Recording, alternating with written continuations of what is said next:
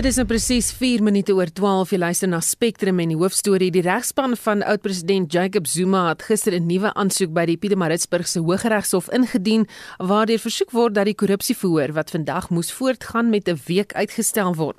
Dit is omdat hulle weens verlede week se geweldpleging glo nie met Zuma kon konsulteer nie en Heinrich Weingart hou die verrigtinge vir ons dop hein.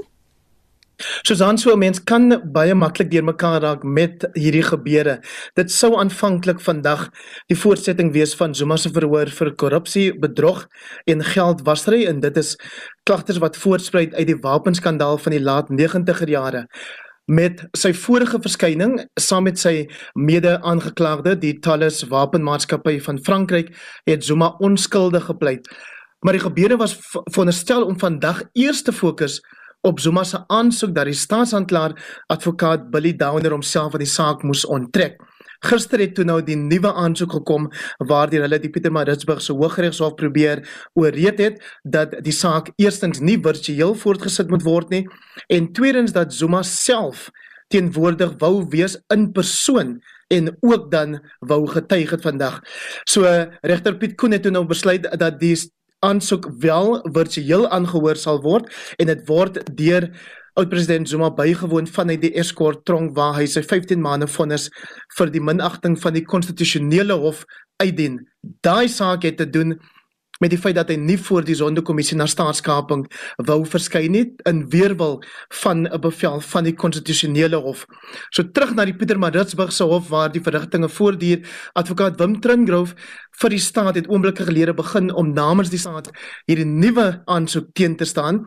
Hy sê Zuma wil nie werklik getuig nie. Wat hy wil doen is eerder om Downer en ander lede van die staat se regspan as dit ware onder kruisverhoging of liewer kruisondervraging te plaas. En dan sê hy Zuma het reeds vir minstens 10 jaar elke geleentheid in die regboek benut om op projeksies te loods en dat sy huidige aansoek gewoon 'n herhaling of soos hy dit gestel het 'n copy and paste is van alles wat hy reeds in vorige hofaansoeke gebruik het om uiteindelik nie verantwoording te doen nie. Elke hof het die verantwoordelikheid volgens die grondwet om optimaal te funksioneer en daarom reken Trengov dat die verrigtinge wel virtueel voortgesit kan word. Ek let ook op dat daar weermaglede die strate van Pietermaritzburg patrolleer. Die stad self het deurgeloop onder die plundering verlede week en dit is ook in die omgewing van die Pietermaritzburg se hofgebou, hoewel die sitting aanlyn plaasvind. Baie dankie. Dit was Heinrich Weingart wat vandag se virtuele Zuma of verrigtinge vir ons volg. Ons kry nou ook politieke kommentaar van die politieke kommentator Roland Henwood van die Universiteit van Pretoria. Goeiemôre Roland. Goeiemôre Susan. Wat dink jy van die argument dat dit onmoontlik was vir Zuma se regspan om die afgelope week met hom te raadpleeg? Ek dink daar's twee kontekste. Dit is waarskynlik moeilik geweest om 'n persoon te raadpleeg. Ek weet nie hoe onmoontlik dit was nie, maar dan is daar ander maniere van kommunikasie wat deesdae effektief gebruik word en beskikbaar is. So dit mag 'n legitieme rede wees die hof sal daar moet besluit.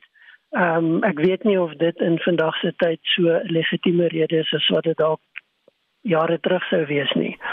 Ek dink die die belangrike konteks hiervan vir my is die klimaat waarbinne die saak afspeel. En en ek wil my glad nie dat die regs ehm um, beginsels uitlaat nie. Dis nie my kundigheid nie. Maar die die konteks die politieke konteks waarin dit uitspeel. Die geskiedenis van ehm um, oud-president Zuma se uh, interaksie met die regbank oor 'n baie lang tyd die manier wat hy die regsproses gebruik het en dan saam met dit politieke standpunt inname en en ek dink nie mense moet die belang daarvan onderskat nie.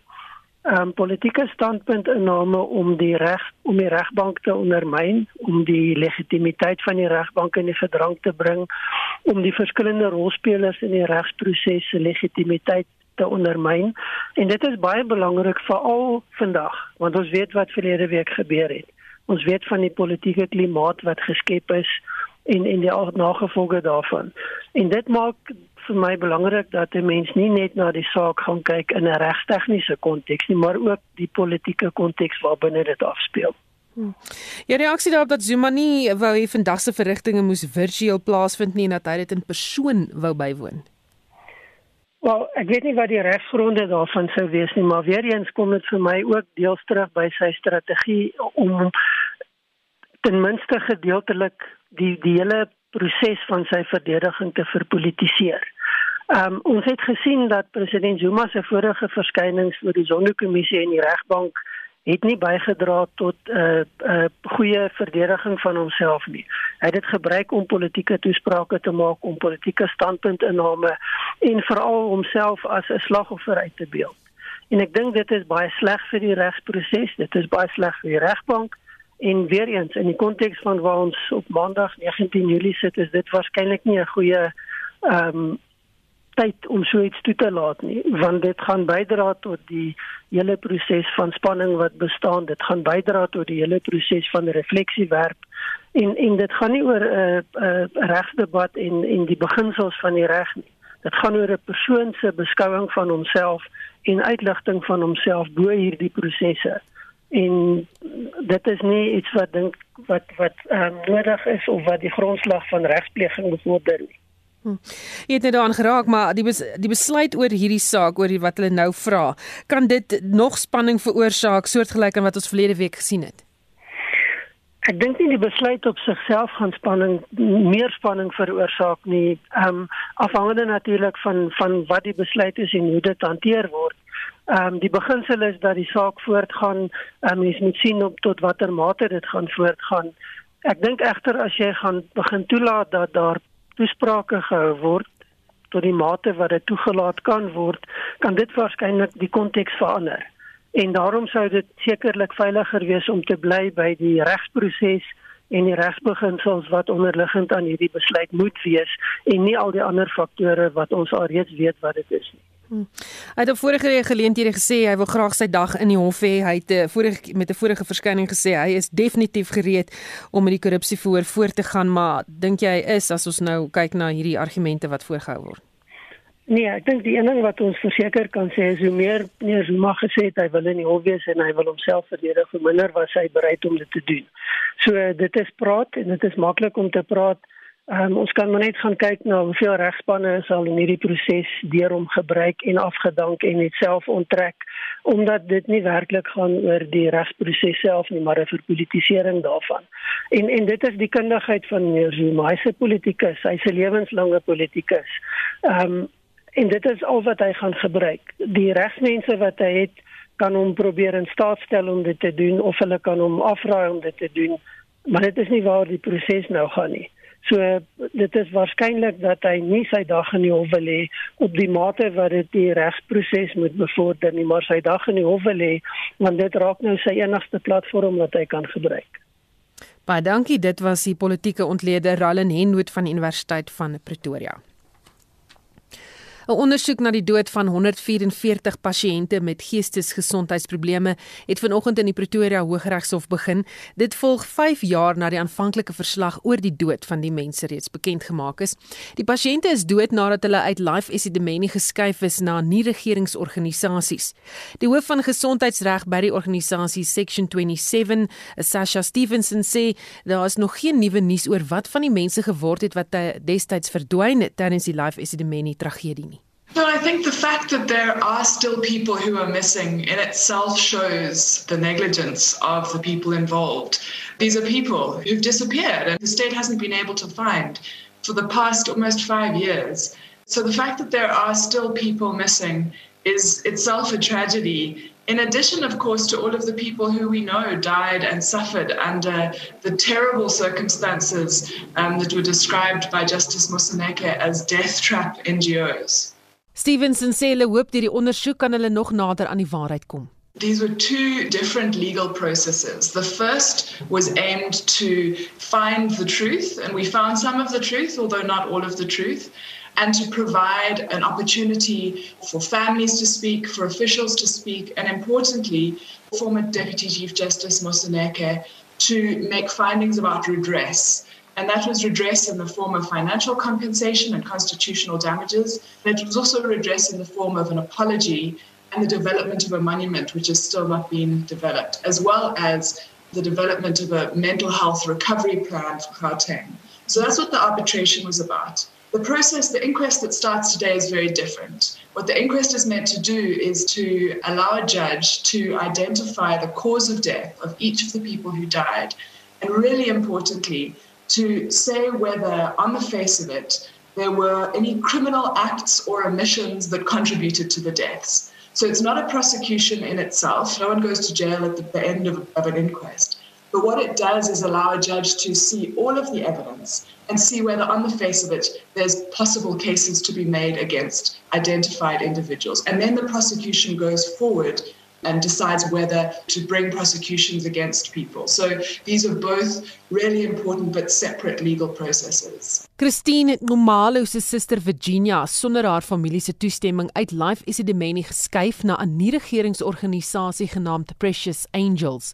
Verskeie van die pasiënte waaronder Virginia is in die sorg van die groep dood.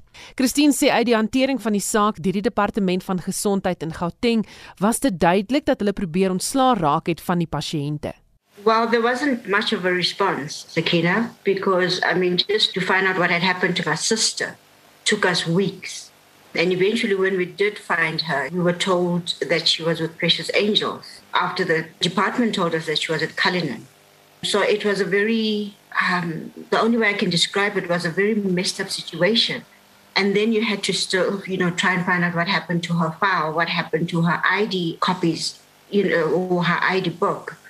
So you could see this was a deliberate process, you know, of actually just getting rid of people, getting them out of the system. And yeah, it was, it was very horrible. It was a very painful situation.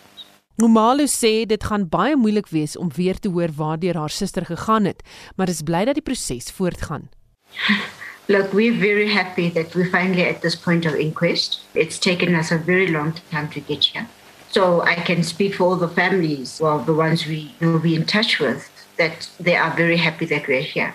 We're just really, really worried, though, you know, about the evidence pointing to individuals, because for us, the key takeaway from here would be somebody or people being actually pointed out as being criminally responsible. So we are happy that this day has come, but we are incredibly, incredibly worried and I suppose anxious to get to the end of it and hopefully with people in charge. En dit was Christine Ngomalo, 'n familielid van een van die pasiënte wat gesterf het in die Life Isidimeni tragedie. Hoofvlak samesprekings tussen die regering en taksiebase in die Wes-Kaap duur voort in 'n poging om 'n einde te maak aan noodlottige voorvalle van taksiegeweld in die provinsie. 'n Onafhanklike bemiddelaar is verder ingespan om samesprekings tussen die strydende, strydende taksieverenigings Kata en Kodita aan te help. Minstens 23 mense is reeds dood weens die konflik en ons verslaggewer Kobben August hou verwikkelinge dop. Goeiemôre Kobben. Good afternoon to you and to the listeners. Weet ons wie die bemiddelaars tussen die strydende partye is? Well, at this stage, it's unclear who exactly the independent mediator is. Uh, no details have been released as yet. However, the mediator has also been joined in the negotiations by the National Transport Minister, Fikile Mbalula, and his Western Cape counterpart, Valen Mitchell. It's hoped that the discussions with all the various role players will lead to a long-term solution that will end the conflict. Kobin, wat is die kwelpunte in die konflik? Well, according to information that we have received so far, the major issue that's being disputed is a dispute between the dispute is between the two taxi associations, Kata and Kadikta, and the major issue is the route between Mbekweni in Paul and Belleville. However, this tension has spread to other routes in the Western Cape and resulted in the ongoing killings that we've witnessed over the past few weeks. En word daar enige vordering gemaak in die samesprekings? Well, they said they were the officials said that they would be releasing uh, an update later uh, with regards to the progress being made during the negotiations.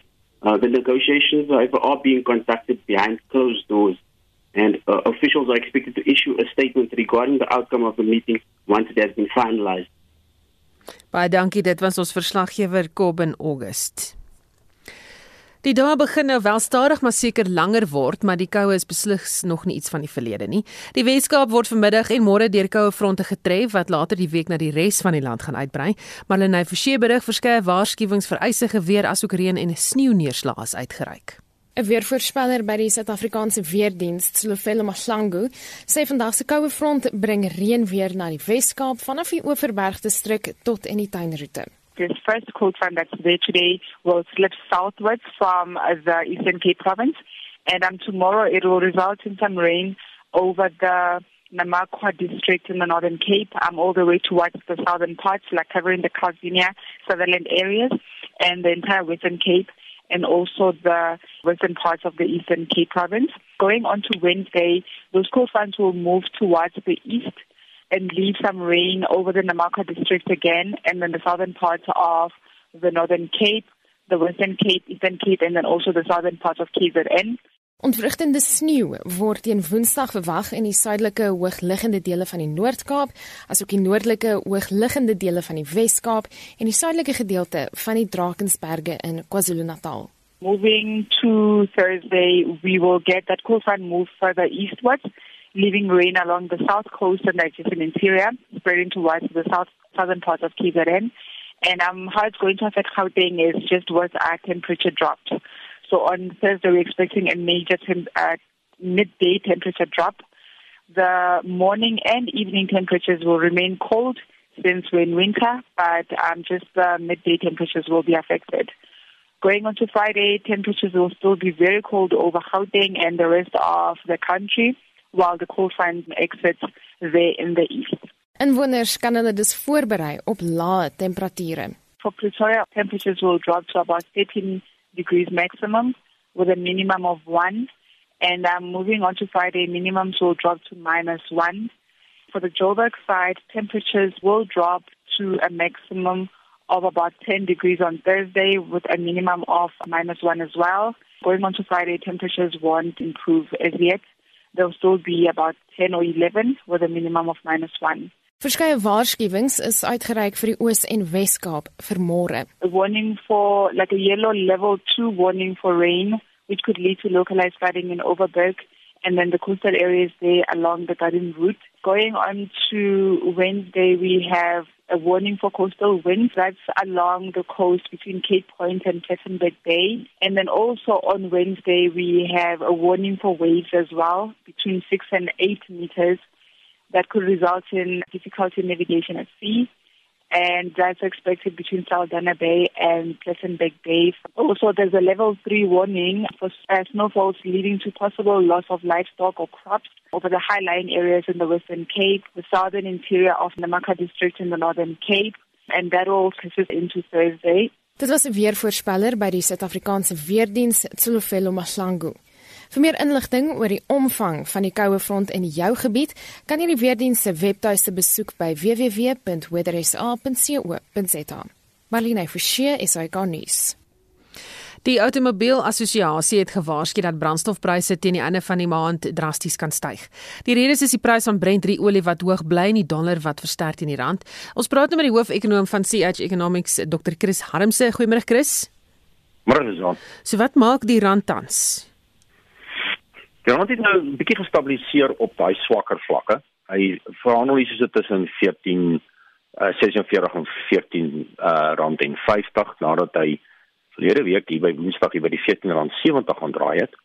So 'n bietjie sterker, maar daar is baie negatiewe druk op die mark. Ek verwag dat hy waarskynlik verder gaan verswak in die volgende uh, dag of twee. So die AA is reg daar. Dit sit groot druk op hierdie petrolpryse ons op die oomblik. En Brent oliepryse? Die oliepryse het uh, vandag 'n bietjie teruggesak. Ehm um, uh, gelukkig uh, so met net so oor 1 dollar.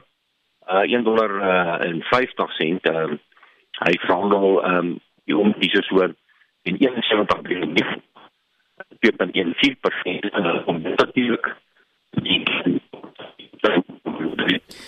Chris, kan ek vir jou uh, daar in die redeveldling vir my jou selfoonlyn wil wil weggaan? As jy dalk so 'n bietjie kan draai na 'n kant toe dan kyk asof ons jou net beter kan hoor want ons kon nou nie lekker hoor wat doen die Brent 3 oor prys nie. Okay. Daar sê. Ja. As ek jy nou hoor. Ja. En ja, hy het hy het so 1 dollar ehm um, 57 gedraai. Uh skeer die opening vanoggend in die internasionale markte. En dis uh, 2.14% of dit gaan keer dat die rand uh se val uitgekanselleer word sal ons nog sal ons nog moet sien. Want op hierdie stadium dra beide faktore by tot 'n redelike sterk verwagte stygings aan die begin van Augustus. Uh, ons verwag petrol 95 so wat 84 sent uh, te ver, uh, verhoog en diesel so 53 sent 'n uh, liter. Nou as ons net na die petrolprys kyk, sien ons dat 56 'n sent van daai 84 sent is as gevolg van die hoër gemiddelde olieprys sedert die vorige vaststelling die 2 Julie. Uh en die verandering in die wisselkoers het reeds so 27 sent negatiewe effek of sogenaamde onderverhaling effek. So daai faktore gaan baie gaan baie afhang ehm um, in die volgende week of wat wat die uiteinde gaan wees. Maar op hierdie stadium uh, kan ons 'n redelike sterk stygings verwag in beide petrol, diesel en uh, selfs parafin wat natuurlik vir my bietjie uh, kommerwekkend is. Daai parafinprys styg baie meer as die petrolprys die laaste paar maande. Hulle praat nou weer van 51 sent uh 'n liter. Ehm um, so dis 'n bietjie dis 'n bietjie dis 'n bietjie ehm um, ehm um, bekommerwekkend. Ja. Sal die impak van die gewelddadige betogings uh, die afgelope week dalk ook nog deursyfer na die ekonomie toe? Ehm uh, definitief Susan, uh, dit is veral vandag klaar besig om plaas te vind. Uh ons het verlede week gesien dat byvoorbeeld die aandele in die kapitaalmark en die wisselkoers het redelik sy vlakke behou. Uh aandelebeurs was baie wisselvallig op en af, maar veral maandag, dinsdag en woensdag met die plundering het uh aandelebeurse teen die verwagting van baie mense en die publiek uh, Chris is jy nog daar? Lyk vir my daai selfoon sy wil nou net daar sê ons probeer weer. Goed, so dit het ja, versterk, reg? Die aandelemark. Daar sê. Ja, ja, so die, die aandelemark het verstewig. Uh op 'n stadium oor die 2% en was vir al die hulpbronne indeks wat baie gebaat het by hierdie uh swakker rand en ook internasionale kommoditeitspryse wat terselfdertyd gestyg het nadat China met uh te verwagte ekonomiese groei kom. Uh, en dit bygedra dat ons vliegende week almal sterk styg in aandelepryse gekry. Selfs die finansiële sektor was aanvanklik positief, maar ons het 'n momentum verloor veral donderdag en vrydag en die markte het baie sywaarts gesluit, maar vanoggend is daar bloedpad. Uh die algemene indeks rukkie gelede hier oor 1300 punte af. Uh is lanklaas dat hy daai hoeveelheid ges, uh, gedaal het 1384 of so 2.29 van 'n persent en die sogenaamde future mark, die uh termynmark verwag nog verdere stygings uh, dalings vanmiddag. En die hoofrede is is dat ons het nou gesien dat Moody's het al die munisipaliteite uh, in Suid-Afrika, die stedelike munisipaliteite ook nou afgegradeer tot rommelstatus. En so wat beteken dit? Ons gaan nou begin te sien 'n nasionale en veral internasionale reaksie. Uh, en ek verwag en dis my groot vrees dat buitelanders uh, gaan heelwat van ons aandele begin afkoop. En soos dit dat die aandele gaan begin afkoop, gaan die rand op die ou end begin meegee kapitaalmarkkoerse gaan styg en ek dink die monetêre beleidskomitee wat met hulle vergadering môre begin het 'n redelike tamaletjie.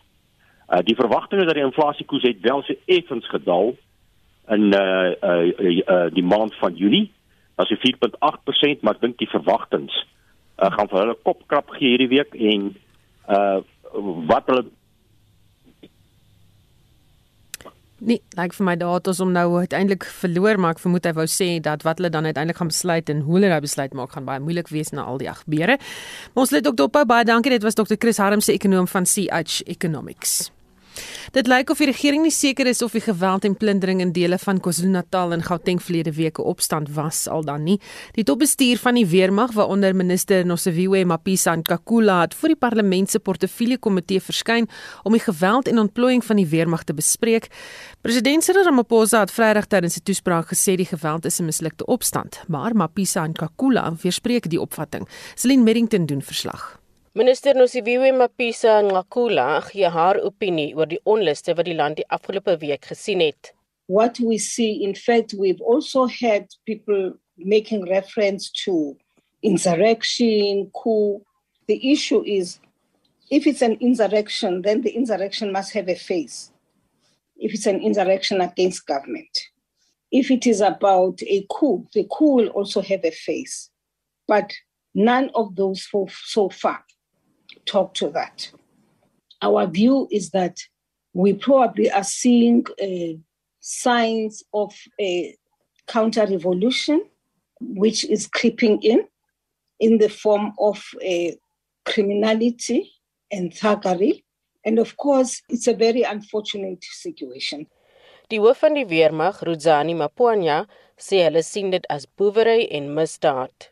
With regard to the faces, we will actually rely mainly on uh, the intelligence uh, fraternity to determine the faces of uh, the opposing, I'll call them opposing forces because, uh, for lack of a better word, those elements that are said to be either we call them counter revolutionaries, but uh, I continue to call them thugs. Uh, because of uh, he who picks up a stone and starts throwing it to the window and breaks the window ceases to be a protester, but uh, it's a thug or a criminal.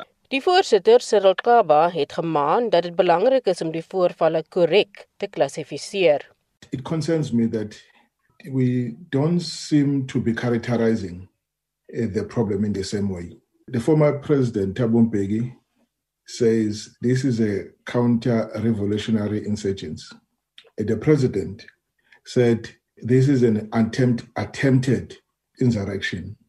The minister today says, look, we can't characterize this as a, an insurrection, and it's just counter-revolution. It basically says we're dealing with crime. Now, see, and, and the minister of uh, intelligence the other day was basically saying, no, we're not dealing with a coup.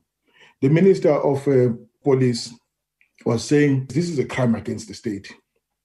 So, I mean, if we all have not characterized the problem, then I wonder, we, as, as a country, we have the target, the right target before, before, before us.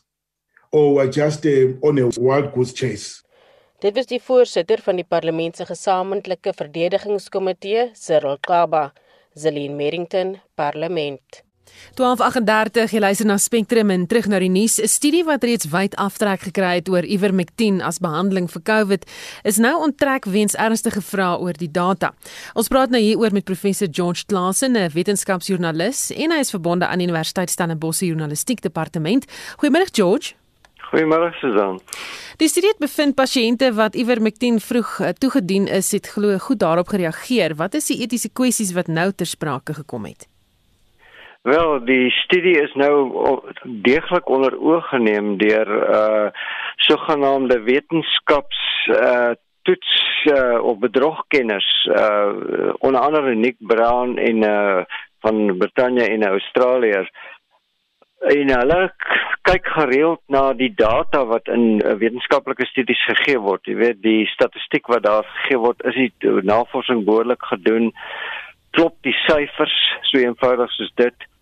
en hulle het bevind dat hier uh die bewering die studie het byvoorbeeld beweer dat minder dat dat, dat ivermectin verminder sterktes dramaties en jou verblyf in die hospitaal kan ook baie korter wees indien jy daar beland.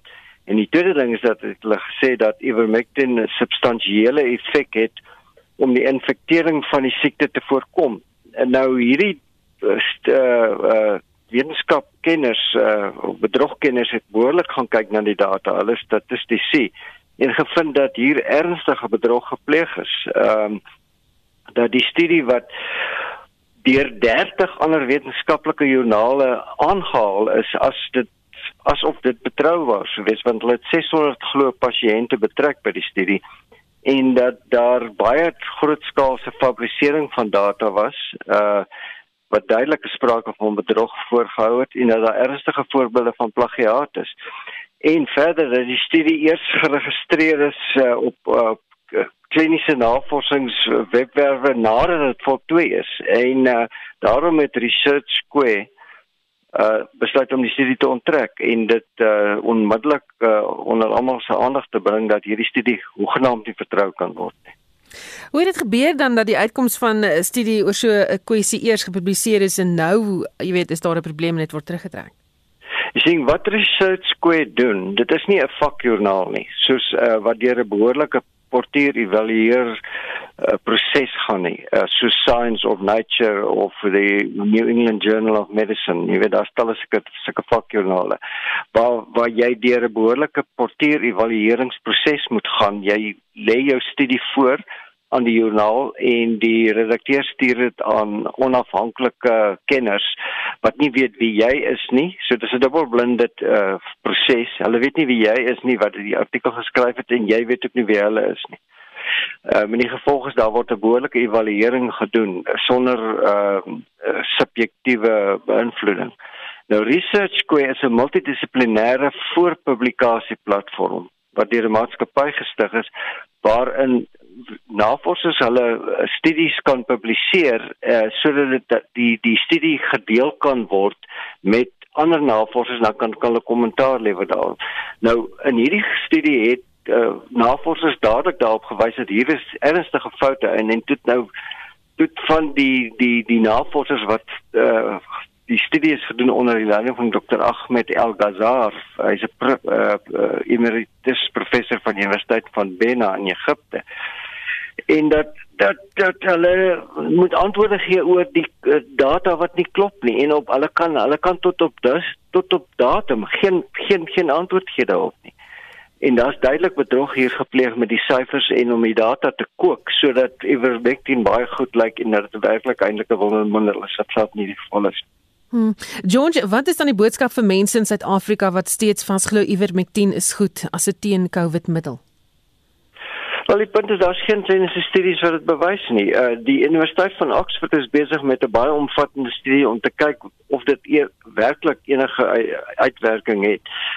Uh maar die die die ongelukkig is hierdie studie gebruik deur baie mense om dit te, te versprei uh die boodskap te versprei dat dit baie goed sou gaan met uh um jou as jy hierdie middel gebruik as 'n voorkomende middel en dit is daar is eenvoudig net eenvoudig nie nie data daarop nie wat betroubaar is nie. Inteendeel uh, die die uh, mense die wetenskaplikes wat hierdie studie ontbloot het wys nou daarop dat baie mense hulle self ernstig blootgestel het en dat heelwat mense waarskynlik dood gegaan het omdat hulle hulle uh, vertroue geplaas in ivermectin en uh, op die ou en nie hulle gewend het tot betyds tot tot uh, behoorlike mediese behandeling nie. Hulle het letterlik gesê ivermectin en daar's heelwat mense wat sê ivermectin gaan my lewe uh red ek het nie ek het nie inenting nodig nie en mense moet asseblief nie daardie soort van onsin glo nie. Hmm. Baie dankie. Dit was professor George Klassen, 'n wetenskapsjoernalis en hy's verbonde aan die Universiteit Stellenbosch Journalistiek Departement wat gepraat het oor 'n studie wat reeds nou al wyd aftrek gekry het oor ivermectin as behandeling vir COVID, maar wat nou onttrek is weens ernstige vrae oor die data. Daar was die afgelope 24 uur 11215 nuwe COVID-19 gevalle en 183 sterftes. Die Weskaap Provinsiale Regering sê intussen hy is baie opgewonde oor die hoë aantal mense wat in die ouderdomsgroep 35 en hoër geregistreer het om die enstof te kan ontvang. En ons praat met die premier van die Weskaap, Allan Windy, oor hoe die proses nou gaan verloop. Goeiemôre Allan. Goeiemôre. Dankie. Lekker om saam te wees. Weet julle nou hoeveel mense wel nou geregistreer het in die provinsie? So ons is nou op uh, amper op 'n miljoen 999623 op die dashboard op die huidige oomblik. Dis baie goeie nuus. Gaan mense net kan inloop om die instof te ontvang of hoe gaan dit werk? Ja, absoluut, maar ons moet onthou ons het net 'n sekere aantal uh vials wat ons kry elke week. Ehm um, so, en ons het by ver die meeste uh vaksin sites van enige provinsie. So ons kan baie vinnig ons vaksins uitkry. Ons doen maklik oor die 30000 amper na 40000 nou op 'n dag. So uh, ons grootste probleem is die aantal vaksins wat ons kry. Maar ehm um, ek sê vir almal julle kan maar inloop. Ons het mos 'n prioriteitslys as jy ouer as 60 is. En uh, selfs as, as jy nie eens geregistreer het nie, jy is nommer 1 prioriteit. Nommer 2 is die wat 60 en ouer is wat hulle tweede een kom uh, hulle tweede uh, uh, uh, inenting kom kry. Hulle is nommer 2 op die lys, dan is dit 50 en dan is dit 35 tot uh, tot 9 uh, uh, was dit 49. Hmm. En, dan, um, en en en obviously dit is ook uh, jou die wat SMS gekry het met ander woorde jy het 'n afspraak gekry, jy kry ook voorkeur vir die wat wag. Hmm. Is daar genoeg enstof? Uh ek sal baie like om baie meer te sien. Ehm um, ek is dankbaar dat ons kry 'n bietjie meer. Ons dit was heel slegte terugslag toe ons uh daai boodskap gekry van die J&J's wat nou uh ons nie nie sou gekry het. Ons stelsel was daar om Pfizer in J&J uit te rol. Maar dit lyk vir my ons kry meer nou op die oomblik. Nog nie genoeg nie. Ek sou baie meer uh vir my meer gehoop het. Maar die wat ons kry, ons is dankbaar en ons kry in die arm so vinnig as moontlik. Baie dankie. Dit was die premier van die Weskaap, Allan Windy. RSG se stasiebestuurder, Louise Jooste, is een van vele wat meen die radiopersoonlikheid Amanda Olivier se lag gaan nog lank boue bly in die harte van die wat saam met haar gewerk het. Olivier is gisteroggend in Johannesburg dood aan COVID-19 verwante komplikasies, maar hulle Forsie het meer besonderhede. Jooste het kort voor Amanda se amptelike aftrede by RSG aangesluit, maar die kort tyd waarin hulle saamgewerk het, het beslis 'n indruk gelaat. Amanda was bekend vir haar uitbundige lag sy was altyd joviaal. Mense het haar nooit hartseer gesien nie en sy het altyd sprankel in haar hart. En toe ek haar leer ken het by RSG, het sy musiek sonder grense aangebied en ook RSG kuns en sy was mal oor die musiekprogramme want dit het haar ook 'n geleentheid gebied om 'n bietjie oor see te toer en nuwe musiek daar te ontgin. Iets wat ek tot en met vandag toe nog sal koester is dat sy het in my eerste jaar wat ek by RSG begin het, het sy vir ons as 'n geskenk 1 jaar met ons afskeidsfunksie het sy vir ons coastertjies gegee wat kunswerke was as 'n herinnering van RSG wat deur die jaar is en dit gemaak het. Sy was 'n bedrywige vrou net selfs na aftrede by die Kokania aftreeoord in Modimolle op 'n vryskutbasis programme bly aanbied. Sy het nie nee gevat vir 'n antwoord nie. Sy het haar beheerraad ooreed dat RSG moet 'n buiteuitsending doen by hulle karnaval een jaar. En Breakfast met Derek, ons program op 'n Saterdagoggend, het soontoe gegaan en ons het 'n 5 uur lange uitsending daar gaan doen met groot sukses. Dit was alles te danke aan Amanda en sy was deel van die program. Sy was mede-aanbieder en sy het die hele Limpopo aan die gang gekry daai dag. Sy het veral seker gemaak dat jonger omroepers aktief betrokke raak. Sy het hulle baie keer in die diepkant ingegooi wanneer hulle moes weervoorspellings lees, wanneer sy hulle net agter 'n mikrofoon ingedruk het, wanneer sy hulle op 'n deernagskof uh, opleiding gegee het en gesê het nou is dit jou beurt. Jy het nou lank genoeg gesien hoe ek dit doen. Druk daai knoppie en praat. Sy het regtig van haar kennis gedeel met ander en onthou word daarvoor dat sy haar kennis gedeel het en haar liefde vir haar musiek en vir haar medemens. Nog 'n kenmerkende eienskap was haar gewilligheid om aan te pas en te groei sy het nie teëgeskop en gesê nee sy weier om aan te pas en so nie.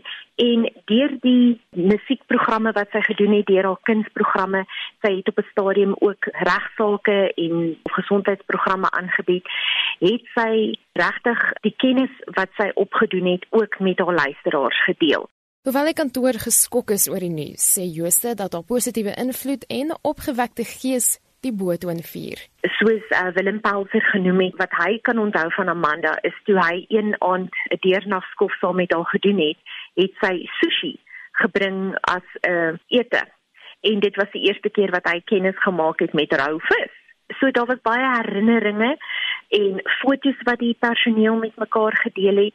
So ek dink dit was meer 'n viering van haar lewe en die impak wat Amanda op elkeen gemaak het wat ons met ons kan saamdra vorentoe. Dit was Louise Jooste, RSG se stasiebestuurder. Marlene Forsie is hy gonies. Ons praat ook nou met een van haar baie goeie vriende, die akteur At Botha. Goeiemôre At. Goeiemôre, hoe gaan dit?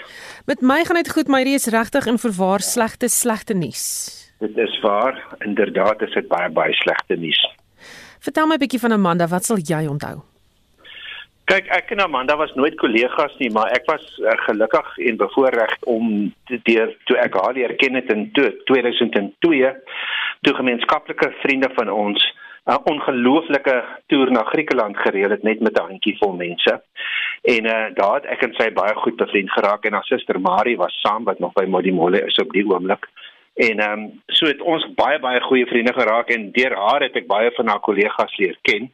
Maar ek was in elk geval 'n groot RSG luisteraar en altyd daar praatjies en haar musiekprogramme so geniet. En wat vir my al uitstaan van haar is haar lag, sy het net altyd gelag. Alles was net vir snaaks en sy het 'n ontsettende sin vir humor gehad. Maar ek moet vir jou 'n snaakse staaltjie van haar vertel. In Griekeland het ons groepie mense eendag, ek dink Ek dink dit was onwetend op 'n strand beland waar mense ehm um, kaal gewees het. Nou jy hoef nie kaal te gewees het nie, dit was so tipe van 'n nudiste strand waar jy 'n keuse gehad het, jong. En hier het baie mooi kaal Griekse mans gelê in teen op hulle rugge daar op die strand. Die lot van hulle en die water is mos vreeslik stil daar.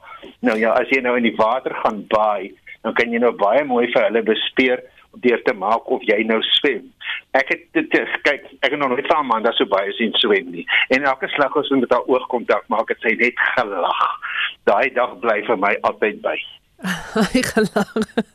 Ai weet jy wat is dalk om te vertel? Net net een laaste vraagie, ons het nie regtig meer tyd oor nie, maar sy diep spore in die uitslaawese getrap at, wat kan die nuwe generasie by haar leer? O, oh, ja ek weet nie seker maar 'n uh, vasberadenheid en as jy 'n ding wil deurvoer, voer hom deur. Seker maar dit. Baie dankie. Dit was die akteur Ant Botha, een van die radiopersoonlikheid Amanda Olivier se baie goeie vriende en sy is die afgelope naweek in Gauteng aan COVID-19 komplikasies dood in die ouderdom van 72 jaar. Die Suid-Afrikaanse sewees rugby span en uh, onder 23 sokkerspan by die Olimpiese spele in Tokio was verantwoordelik vir die eerste positiewe COVID gevalle by die atlete dorpie.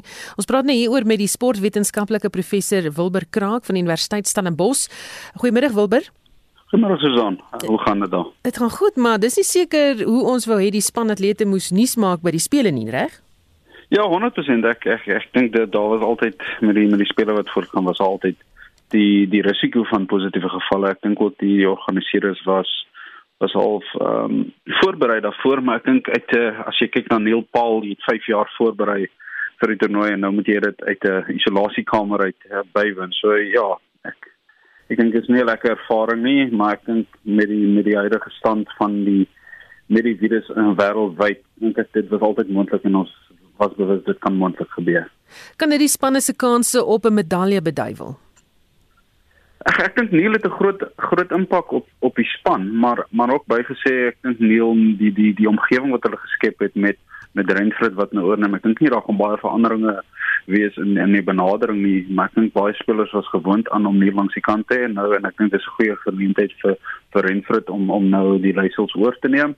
En ek dink ook dit gaan nou half die die die spankultuur wat geskep was, gaan ook nou gaan ook nou met deursyfer wat hulle hulle staan as familie bekend en en Niels se rol van buite die span af en ek dink ook hier's 'n positiewe ding vir iemand om wat nie wat nie intens betrokke is op die wedstryddag nie wat dalk 'n 'n objektiewe opinie kan gee. So so ek dink daar dat dit daar is positiewe en negatiewe kante daarvan, maar ek dink hulle moet nou na die positiewe kyk en daarna te bou.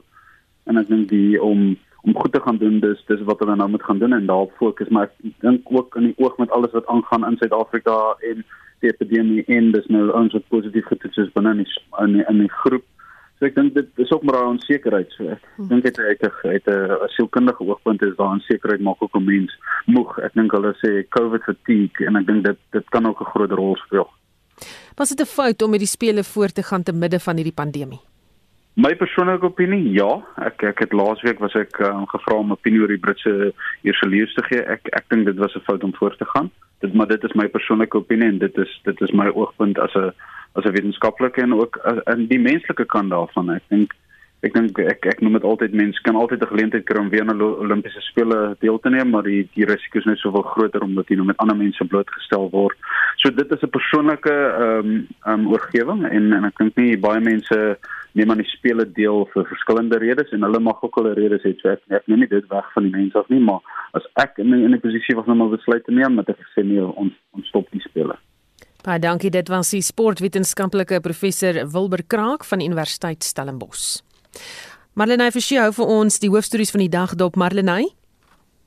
Ons is aan in die afgelope ure het ons gehoor uit president Jacob Zuma se saak voor die Hooggeregshof in Pietermaritzburg vind nou wel virtueel plaas. Sy versoek om self aanwesig te wees by hofverrigtinge is van die hand gewys. Ons verslaggewer Hendrik Weingart het kort tevore die jongste uit die hof gebring. Advokaat Wim Tringrove vir die staat. Sê Zuma wil nie werklik getuig nie. Wat hy wil doen is eerder om Downer en ander lede van die staat se regspan as dit ware onder kruisondervraging te plaas. En dan sê hy Zuma het reeds vir minstens 10 jaar elke geleentheid in die regboek benut om op projeksies te loods en dat sy huidige aansoek gewoon 'n herhaling of soos hy dit gestel het 'n copy and paste is om uiteindelik nie verantwoording te doen nie En 'n politieke ontleder aan die Universiteit Pretoria, Roland Henwood, sê Zuma probeer die stryd op politieke vlak voer en van daardie behoefte om nou voor die hof te verskyn. Ons kan maar net gaan kyk na hoeveel regspanne is al in hierdie proses deur hom gebruik en afgedank en net self onttrek omdat dit nie werklik gaan oor die regsproses self nie maar 'n verpolitisering daarvan. Dit is die kundigheid van meneer Zuma. Hy's 'n lewenslange politikus. Dit is waarskynlik dat hy nie sy dag in die hof wil hê op die mate wat dit die regsproses moet bevorder nie, maar sy dag in die hof wil hê want dit raak nou sy enigste platform wat hy kan gebruik. Intussen het die ondersoek na die Life Esidimeni tragedie begin. 144 mense is 5 jaar terug dood nadat hulle van Life Esidimeni na nie-regeringsorganisasies verskuif is. Ons het kort tevore op Spectrum gehoor dat van die mense steeds vermis is. Ons hou die verwikkelinge dop soos wat die storie in die ondersoek verwikkel. Baie dankie Marlene Forsie met die afgelope uur se hoofstories. Onthou vorige uitsendings van Monitor Spectrum naweek aktueel en kommentaar is op ons RSC webblad as 'n potgooi beskikbaar. Gaan net na www.rsc.co.za klik op potgooi en soek die program waarna jy weer wil luister. Ons groet namens ons waarnemende uitvoerende regisseur Hendrik Martin, ons redakteur is Wessel Pretorius en ons tegniese regisseur is Daitrin Godfrey. My naam is Susan Paxton en onthou om ingeskakel te bly vir 360.